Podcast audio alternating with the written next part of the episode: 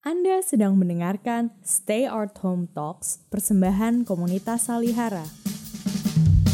Dalam Stay Art Home Talks volume kedua ini, kami menghadirkan perbincangan dan pembacaan karya sastra Indonesia dengan merujuk 11 plus 1 kata kunci pada peta sastra Indonesia yang disusun oleh komunitas Salihara. Selamat mendengarkan. Gado-gado karya Pramudia Anantatur. Pagi sekarang. Setelah mandi, badanku menggetar. Seperti daun kering kena puputan angin. Malaria. Tidak. Ada prarasa yang memberitahukan bahwa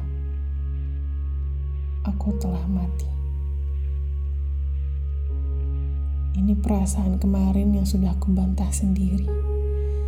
Dan perasaan ini sekarang datang lagi. Lebih kuat. Aku yang kemarin sudah mati, kata perasaan itu. Aku kini adalah mati untuk waktu yang lalu Aku kini jadi gatra untuk waktu yang akan datang.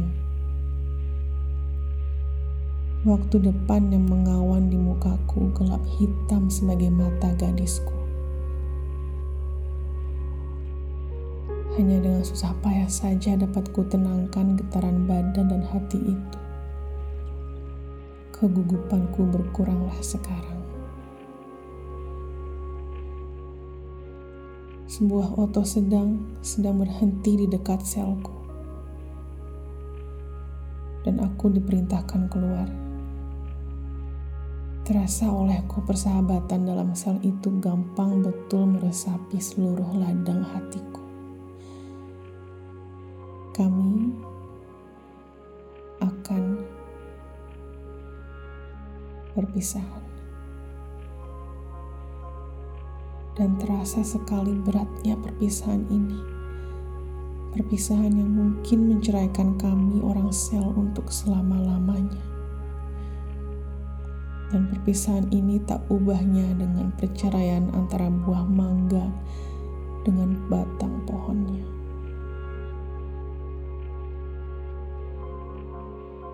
Bimbang aku memasuki sedan itu dan melemparkan diri di sudut dari jendela kaca kulihat kawan-kawan semalam mengintip dari pintu ram besi. Tangannya terkepal-kepal jadi tinju pemuda pesindu. Orang-orang Tionghoa dan Belanda, Totok dan Indo melambah-lambaikan jarinya yang kuning oleh tembakau. Dan sedan yang kutumpangi bergerak melalui pintu gerbang tangsi muka kawan-kawan yang direnggutkan dari keluarganya oleh kekuasaan undang-undang lenyap. Di sampingku, seorang letnan Nevis. Mukanya panjang dan pucat, dan matanya pun pucat. Ia selalu duduk menukur seperti orang benci pada segala yang harus dikerjakannya. Selintas, ku tebarkan pandangku pada jalan raya. Kota mulai ramai pula. Dan muka-muka yang kemarin dulu telah kehilangan kekuyuannya sedikit. Aku sekarang ingin merokok. Tapi aku harus diam-diam saja. Aku tidak punya rokok. Mobil terus meluncuri jalan aspal.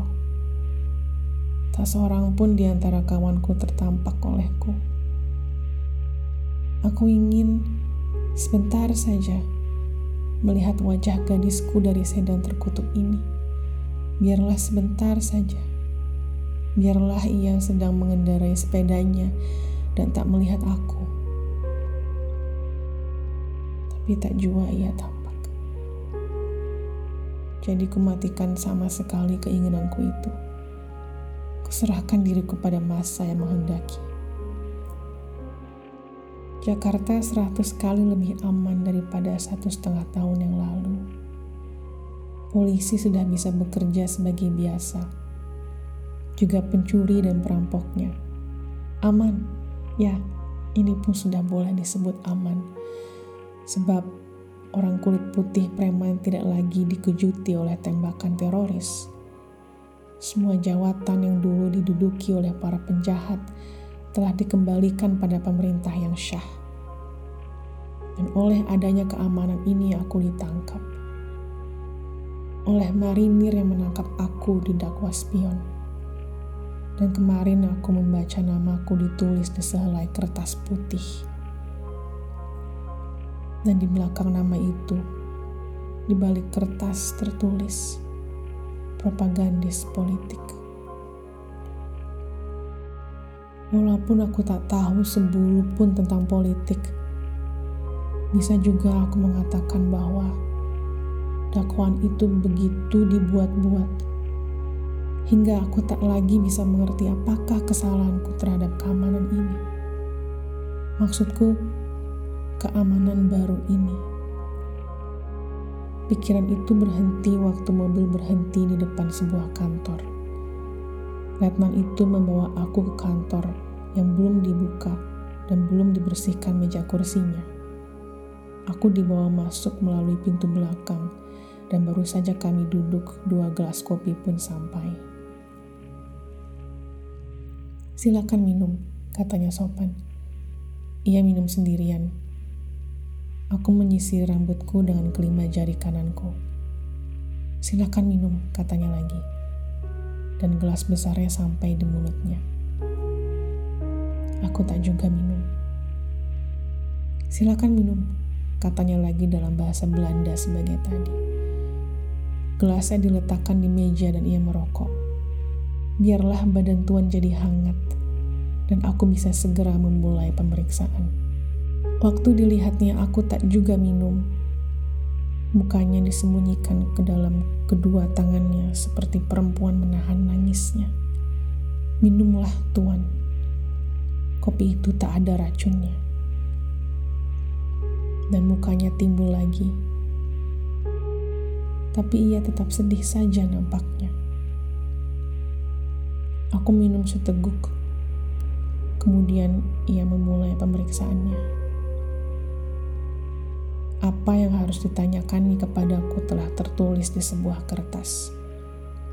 Rupa-rupanya ia tak biasa dengan pekerjaan yang nampak sangat dibencinya itu.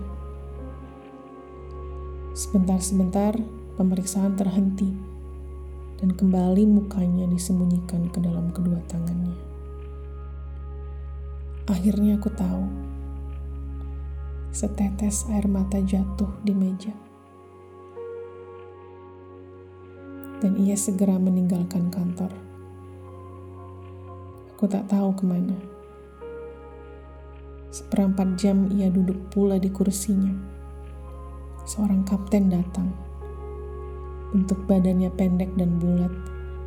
Ia hampiri letnan itu, memberanikan hatinya, kemudian pergi lagi, hilang di balik pintu. Tetapi tiada lama kemudian Pintu terbuka sedikit dan nampaklah kepalanya. Dan katanya pada letnan itu, tulis saja.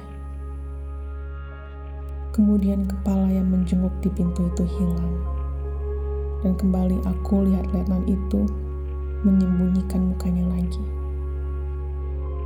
Dan kembali aku lihat setetes air mata jatuh di mejanya.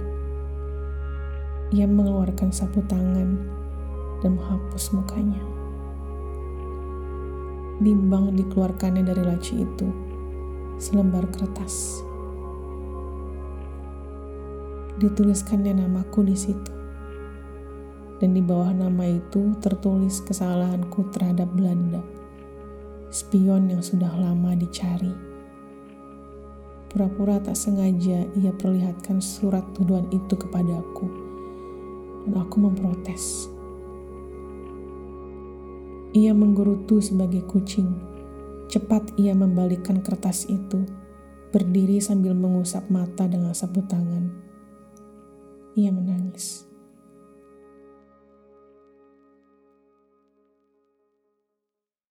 Kembali di Stay Art Home Talks episode Pramudia, Realisme dan Revolusi.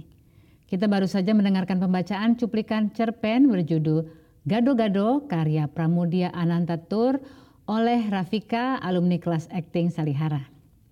Saya Ayu Utami, kurator program sastra komunitas Salihara. Kali ini ditemani dengan Dianita Kusuma Pertiwi untuk bicara-bicara tentang pram, realisme, revolusi.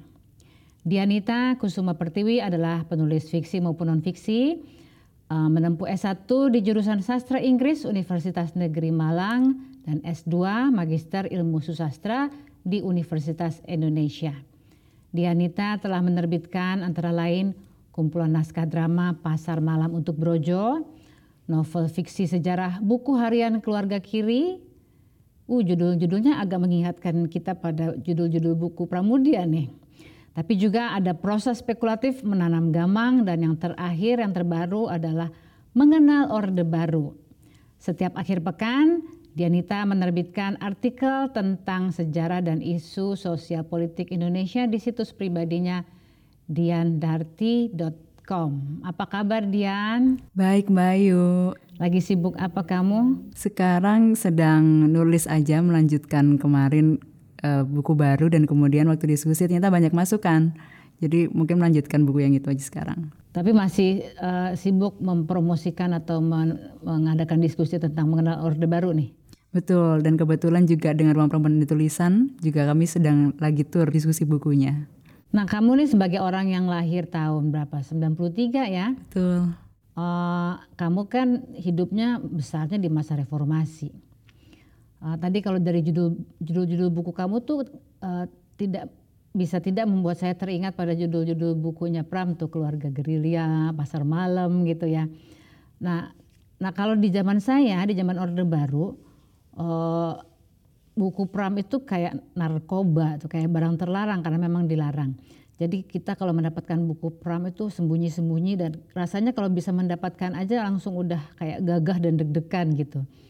Nah, kamu membaca buku Pram di dalam zaman yang berbeda nih. Gimana pertemuan pertama kamu dengan buku-buku Pramudi Anantatur? Ya, um, mungkin kalau saya memang tidak merasakan buku Pram sebagai narkoba, karena um, ya lahir tahun 93, kemudian yang saya ingat tentang waktu itu, saya lima tahun dan kemudian menonton di televisi ada gedung DPR yang dipenuhi oleh mahasiswa. Hanya itu saja yang saya ingat tentang jatuhnya Orde Baru. Masih ingat tuh lima tahun lihat gedung DPR? Iya masih ingat. Nah, kemudian uh, pertemuan dengan buku Pram itu waktu kelas 2 SD. Jadi waktu itu uh, kakek saya yang kebetulan juga mantan tahanan politik, beliau memperkenalkan saya dengan buku Pram. Yang waktu itu adalah Yanyi Sunyi Seorang Bisu. Nah, pada saat itu uh, saya umur kelas baru kelas 2 SD membacanya memang agak susah dan belum tahu ini ngapain sih saya ngasih saya buku ini gitu. Kenapa nggak buku anak aja atau apa gitu dan kemudian tapi uh, menyadari bahwa uh, ini adalah sebagai momentum saya ketemu dengan sastra Indonesia adalah dengan buku Pram. Jadi um, ada satu hal yang kemudian membuat saya mungkin memengaruhi apa yang saya tulis juga kemudian bahwa tentang menulis itu kemudian bukan tentang diri saya sendiri tapi juga tentang masyarakat di sekitar dan kemudian terutama menggerakkan saya untuk menulis kisah kakek saya sendiri di buku harian keluarga kiri itu jadi um, karena kan di sunyi seorang bisu juga tentang perjalanan Pram uh, dan kemudian juga bagaimana dia hidup di sana dan lain sebagainya. Saya pikir itu hal yang perlu diceritakan. Kakek saya belum sempat menceritakannya kemudian meninggal dan saya merasa itu warisan yang harus saya sampaikan. Jadi bagaimana kemudian pertemuan saya dengan Pram itu memengaruhi saya sampai sekarang juga gitu Mbak Ayu. Apakah ketika itu setelah membaca nyanyi sunyi seorang bisu Uh, kemudian Dian melanjutkan dengan buku-buku Pram yang lain secara natural atau diberikan juga oleh kakek? Akhirnya secara natural karena um, penasaran dalam waktu itu akhirnya tidak sampai mendalami dulu nih nyanyi sunyi tapi kemudian melompat ke yang kuartet Pulau Buru karena ia tahu latar belakang kakek saya dan tertarik dengan keempat buku itu. Dan kemudian pada akhirnya baru mendalami yang um, nyanyi sunyi membaca lagi dan kemudian buku-buku uh, yang lain. Tapi um, lebih ke terbitan yang baru ya karena mungkin yang dulu susah untuk didapatkan lagi jadi meneruskan pembacaan Pram itu secara keinginan sendiri pada akhirnya diawali dari nyanyi sunyi tadi. Kalau boleh cerita uh, bagaimana kesadaran yang bertumbuh setelah atau bersama membaca buku-buku Pram? Kesadarannya mungkin um, begini tentang bagaimana Pram itu menulis itu tadi yang saya sampaikan tidak hanya tentang dirinya begitu, tapi ada gambaran tentang masyarakat di sekitarnya. Dan kemudian juga um, saya juga sering mau menceritakan tentang bagaimana masyarakat itu ada kelas sosial dan lain sebagainya dan itu tergambar di dalam karya-karya Pram. Dan kemudian um, menurut saya itu ada kesadaran saya sendiri menyadari bahwa ya pada kenyataan di masyarakat memang ada kelas sosial dan kemudian ada ketidakadilan mungkin di situ dan hal-hal yang itu menurut saya perlu disadari juga sebagai generasi muda mungkin yang kalau sekarang kita santai-santai aja kenapa sih gitu kan? Yang penting kan bisa update status mungkin bisa mikir seperti itu. Tapi dengan karya-karya Pam bisa menyadarkan hal-hal seperti itu sih menurutku Mbak Ayu. Dan apakah uh, seperti kita tahu Pram sempat dilarang dan sampai sekarang juga masih kontroversial mengenai isu kiri, isu komunisme. Apakah dalam perjalanan Dianita me, apa, me, menulis ya atau bertumbuh dari kan baca bukunya Pram waktu kelas uh, 2 SD. Benturan-benturan mengenai ideologi komunisme dengan ideologi yang masih dipercaya orang banyak bahwa komunisme itu terlarang itu terjadi nggak? Terjadi. Jadi terutama waktu ke sekolah. Jadi um, diceritakan di rumah bahwa kakek saya tuh mantan tahanan politik sempat nggak percaya dalam artian kemudian di sekolah uh, narasinya adalah um, PKI sudah membunuh uh, banyak jenderal uh, dan kemudian sangat keji dan lain sebagainya. Lalu membayangkan mungkinkah kakek saya melakukan itu? Itu seperti ada dua narasi yang berbeda di rumah saya dan di sekolah dan kemudian tabrakan-tabrakan itu kemudian ibu ibu saya juga menceritakan tentang hal-hal yang dia alami sebagai anak tahanan politik dan itu kemudian semakin membuat saya kayak um, oke okay, hal seperti ini perlu perlu disampaikan lagi kepada generasi yang lebih muda. Aku merasa beruntung di keluarga ini dan keluarga saya terbuka dan kemudian um, ingin aja membagikan hal seperti seperti itu seperti layaknya yang mungkin pernah dilakukan oleh Pram gitu. Kalau saya lihat dari judul-judul buku dan tulisan kamu, kamu punya ketertarikan dengan pemikiran kiri. Nah, apakah uh, itu terjadi karena Pram atau bersamaan dengan pembacaan buku Pram atau ya bertumbuh bersamaan atau karena Pram? Menarik Mbak Ayu, aku benar-benar memikirkan itu juga sendiri. Um, kalau mungkin aku pikir sekarang sepertinya diawali dari Pram dan kemudian dari sana kan aku membaca narasi-narasi yang lain, buku-buku yang lain. Um, jadinya aku pikir berawalnya dari Pram. Nah kita sekarang bicara mengenai Pram dan era revolusi ya, yang uh, kira-kira tahun 50 ketika 50-an ketika juga Pram uh, menulis saya kira uh, cerpen-cerpen awalnya ya. Uh, menurut kamu bagaimana yang kamu baca ya, uh, atau mungkin dari cerita kakekmu, Pram muncul sebagai seorang pengarang di masa revolusi? Ya, um, jadi kan sebenarnya juga cerita tentang kisah Pram bagaimana dia waktu itu sempat menjadi bagian dari uh, tentara kerajaan dan kemudian ditangkap dan pada saat itu juga dia membawa naskah sebenarnya dan naskahnya dirampas jadi um, ada yang tidak sempat terbit.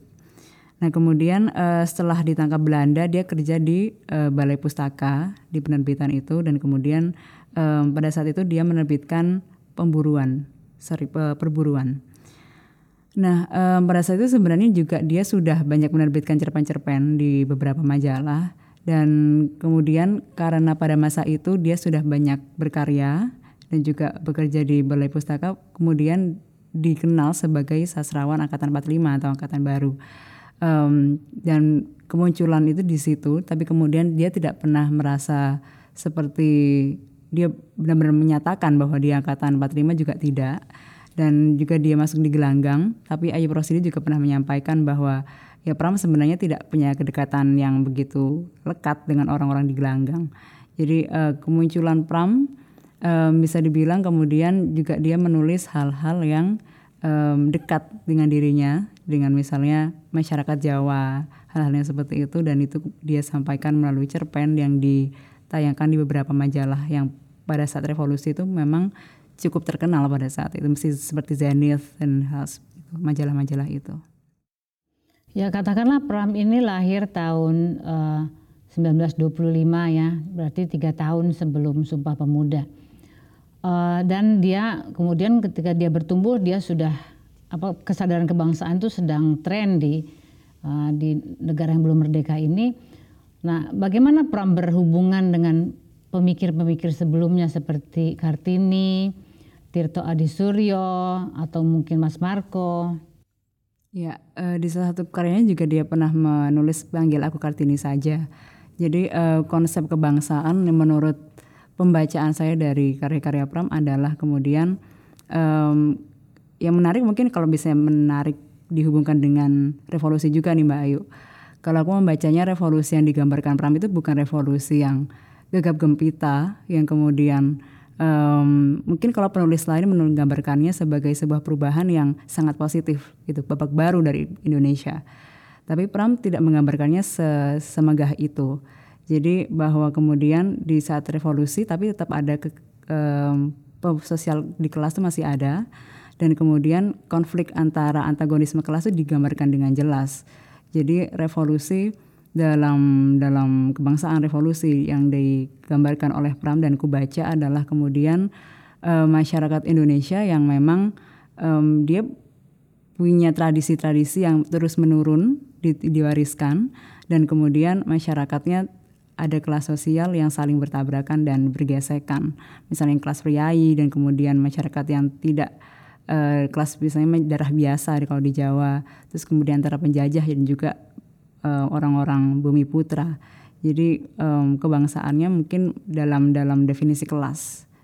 Di banyak kalangan orang yang di zaman saya membaca Pram itu mereka suka karena uh, membaca tritalogi Pulau Buru dan beberapa kumpulan cerpen Pram itu seperti membaca atau mendapatkan satu versi sejarah uh, Indonesia yang agak lain gitu. Kalau dalam pengalamanmu bagaimana? Mm um, aku merasakannya tadi seperti yang kuceritakan bahwa saat di sekolah ada cerita bahwa orang orang-orang ini dalam tanda kutip kemudian yang pernah dibuang ke Pulau Buru ataupun yang di diadili itu pantas karena sudah merusak Pancasila dan lain sebagainya. Um, kemudian ada versi lain sejarah yang dipaparkan oleh Pram yang membuat saya meragukan dengan apa yang disampaikan mungkin di di sekolah itu dan kemudian narasi besar bahwa um, komunisme marxisme itu pasti jahat begitu dan kiri itu pasti hal yang salah. Jadi ada versi narasi sejarah sekaligus mungkin pemikiran Mbak yang aku pikir oke okay, mungkin um, kita perlu belajar lebih lanjut sih dari dari apa yang mungkin kita dengar itu uh, terutama sekarang um, banyak di media sosial beredar tiap kali 30 September naik selalu isunya uh, muncul di media dan di mana-mana um, aku pikir kemudian membaca Pram itu bisa membuat anak muda berpikir dua kali untuk mengikuti narasi yang sekarang sering muncul. Nah kalau kita uh, kita kembali kita kalau sekarang kita melihat bentuk penulisan yang dipilih Pram ya, memang pada tahun 50-an itu hampir uh, semua penulis rasanya memilih bentuk realis ya. Uh, dan pada Pram tidak hanya realis saja tetapi juga uh, cenderung autobiografis. Nah, apakah ini suatu bentuk yang cocok atau jitu untuk menggambarkan apa yang mau digambarkan Pram ya misalnya apa keadaan keadaan manusia dan sejarah dan lain-lain itu. Kalau kamu melihat bentuk realis dan autobiografi ini bagaimana? Oke. Okay. Um, jadi kalau misalnya saya kan melihat Pram kemudian sebagai bagian dari lekra gitu. Kalau di lekra kemudian menganggapnya sosialis uh, realisme sosialis. Jadi bukan sekedar realis karena kalau realis saja berarti menggambarkan masyarakat kontemporer tapi tidak ada pembayangan tentang masyarakat sosialis. Sementara kalau pembacaan saya di karya-karya Pram adalah ada masyarakat Indonesia ini kemudian ada relasi kelas yang sangat antagonis, perbedaannya sangat-sangat jauh begitu. Dan kemudian ada satu um, arah mengarahkan implikasi bahwa masyarakat tatanan sosialis itu yang yang baik begitu. Jadi um, kalau melihat karya Pram di realisme sosialis dan bagaimana kemudian um, dia memasukkan autobiografinya itu um, agak menarik terutama di karya-karya yang seperti garis pantai yang sudah akhir sebenarnya kalau menurut saya Mbak Ayu. Jadi bagaimana kemudian ada tendensi-tendensi ideologi tapi um, diwakilkan cara mainnya seperti gadis pantai si tokoh gadis. Um, dia punya tendensi mengkritik masyarakat pada saat itu kelas sosialnya, tapi kemudian dicampur dengan narator. Jadinya karya itu halus terbacanya bahwa ada tendensi karya itu e, berkelindan antara narator dan juga dengan tokohnya sendiri. Jadi e, penyampaian tendensi pemikiran seorang pram ideologinya itu apa, tapi itu disampaikan secara halus. Mungkin kayak gitu sih. Nah karya Pram sendiri membawakan realisme sosialis tadi kamu bilang ya dengan cara yang apa sastrawi. Tapi kan kita juga tahu pada tahun 60-an kemudian dengan Lekra uh, Pramudia juga termasuk menjadi salah seorang yang mungkin memaksakan uh, apa pendekatan realisme sosialis dan tidak menerima pendekatan kesenian yang lain ya. Dan itu kalau dalam ya kita bisa melihat itu sisi mungkin sisi tidak manis dari Pram uh, yang kita harus lihat. Kamu melihatnya bagaimana? Um, aku sendiri melihatnya bahwa itu sebuah situasi di mana saat itu Indonesia masih muda. Kemudian orang-orang uh, saat sedang mencari definisi kebudayaan kita apa, definisi manusia Indonesia itu seperti apa. Dan kemudian muncullah polemik bahwa ada yang kemudian menyatakan um, seni Indonesia seperti ini, sastra Indonesia seperti ini. Jadi um, akan muncul pendapat-pendapat yang pembenaran diri sendiri dan penyalahan orang lain yang kupikir iya bahwa itu mungkin satu bisa bilang nila dari dari seorang pram tapi um, itu sebuah proses dari bagaimana sastra Indonesia ini terbentuk dari dari Indonesia yang baru saja merdeka mencari jati dirinya dan aku pikir jadi itu proses yang yang dijalani Pram dan sastra Indonesia secara umum. Kalau ada pesan terakhir nih ya buat uh, generasi muda membaca Pram dan membaca keseluruhan uh, polemiknya juga apa yang ditawarkan Dianita. Bagaimana kita harus membaca Pram uh, dari situasi sekarang? Ya, uh, membaca Pram, aku pikir sekarang sebagai sebuah um, refleksi mungkin dalam artian kita melihat lagi apa yang pernah terjadi saat dulu di masa lalu yang mungkin sekarang narasinya um, berbeda dalam artian um, mungkin yang disampaikan oleh orang tua kita yang kita dengar dari masyarakat untuk usiaku dan generasi bawahku mungkin um, berbeda gitu. Dalam artian itu tadi um, ada narasi-narasi yang menyampaikan bahwa sejarah tunggal hal seperti itu dan membaca perang seperti sebuah um, versi narasi yang lain saja. Dan kemudian um, mungkin satu penyegaran mungkin ya karena sekarang realisme juga sudah agak jarang dipakai uh, kecenderungannya. Jadi saat membaca Pram mungkin kita bisa melihat itu sebagai sebuah um, sejarah sekaligus arsip ideologi masyarakat Indonesia yang dulu pernah ada dan itu terarsip di karya-karya Pram. Terima kasih banyak Dianita. Demikianlah perbincangan mengenai Pramudia Anantatur bersama Dianita Kusuma Pertiwi. Jangan lupa kunjungi YouTube Peta Sastra Indonesia untuk menonton animasi 11 plus 1 kata kunci kesusastraan Indonesia. Sampai jumpa di Stay Art Home Talks berikutnya. Salam.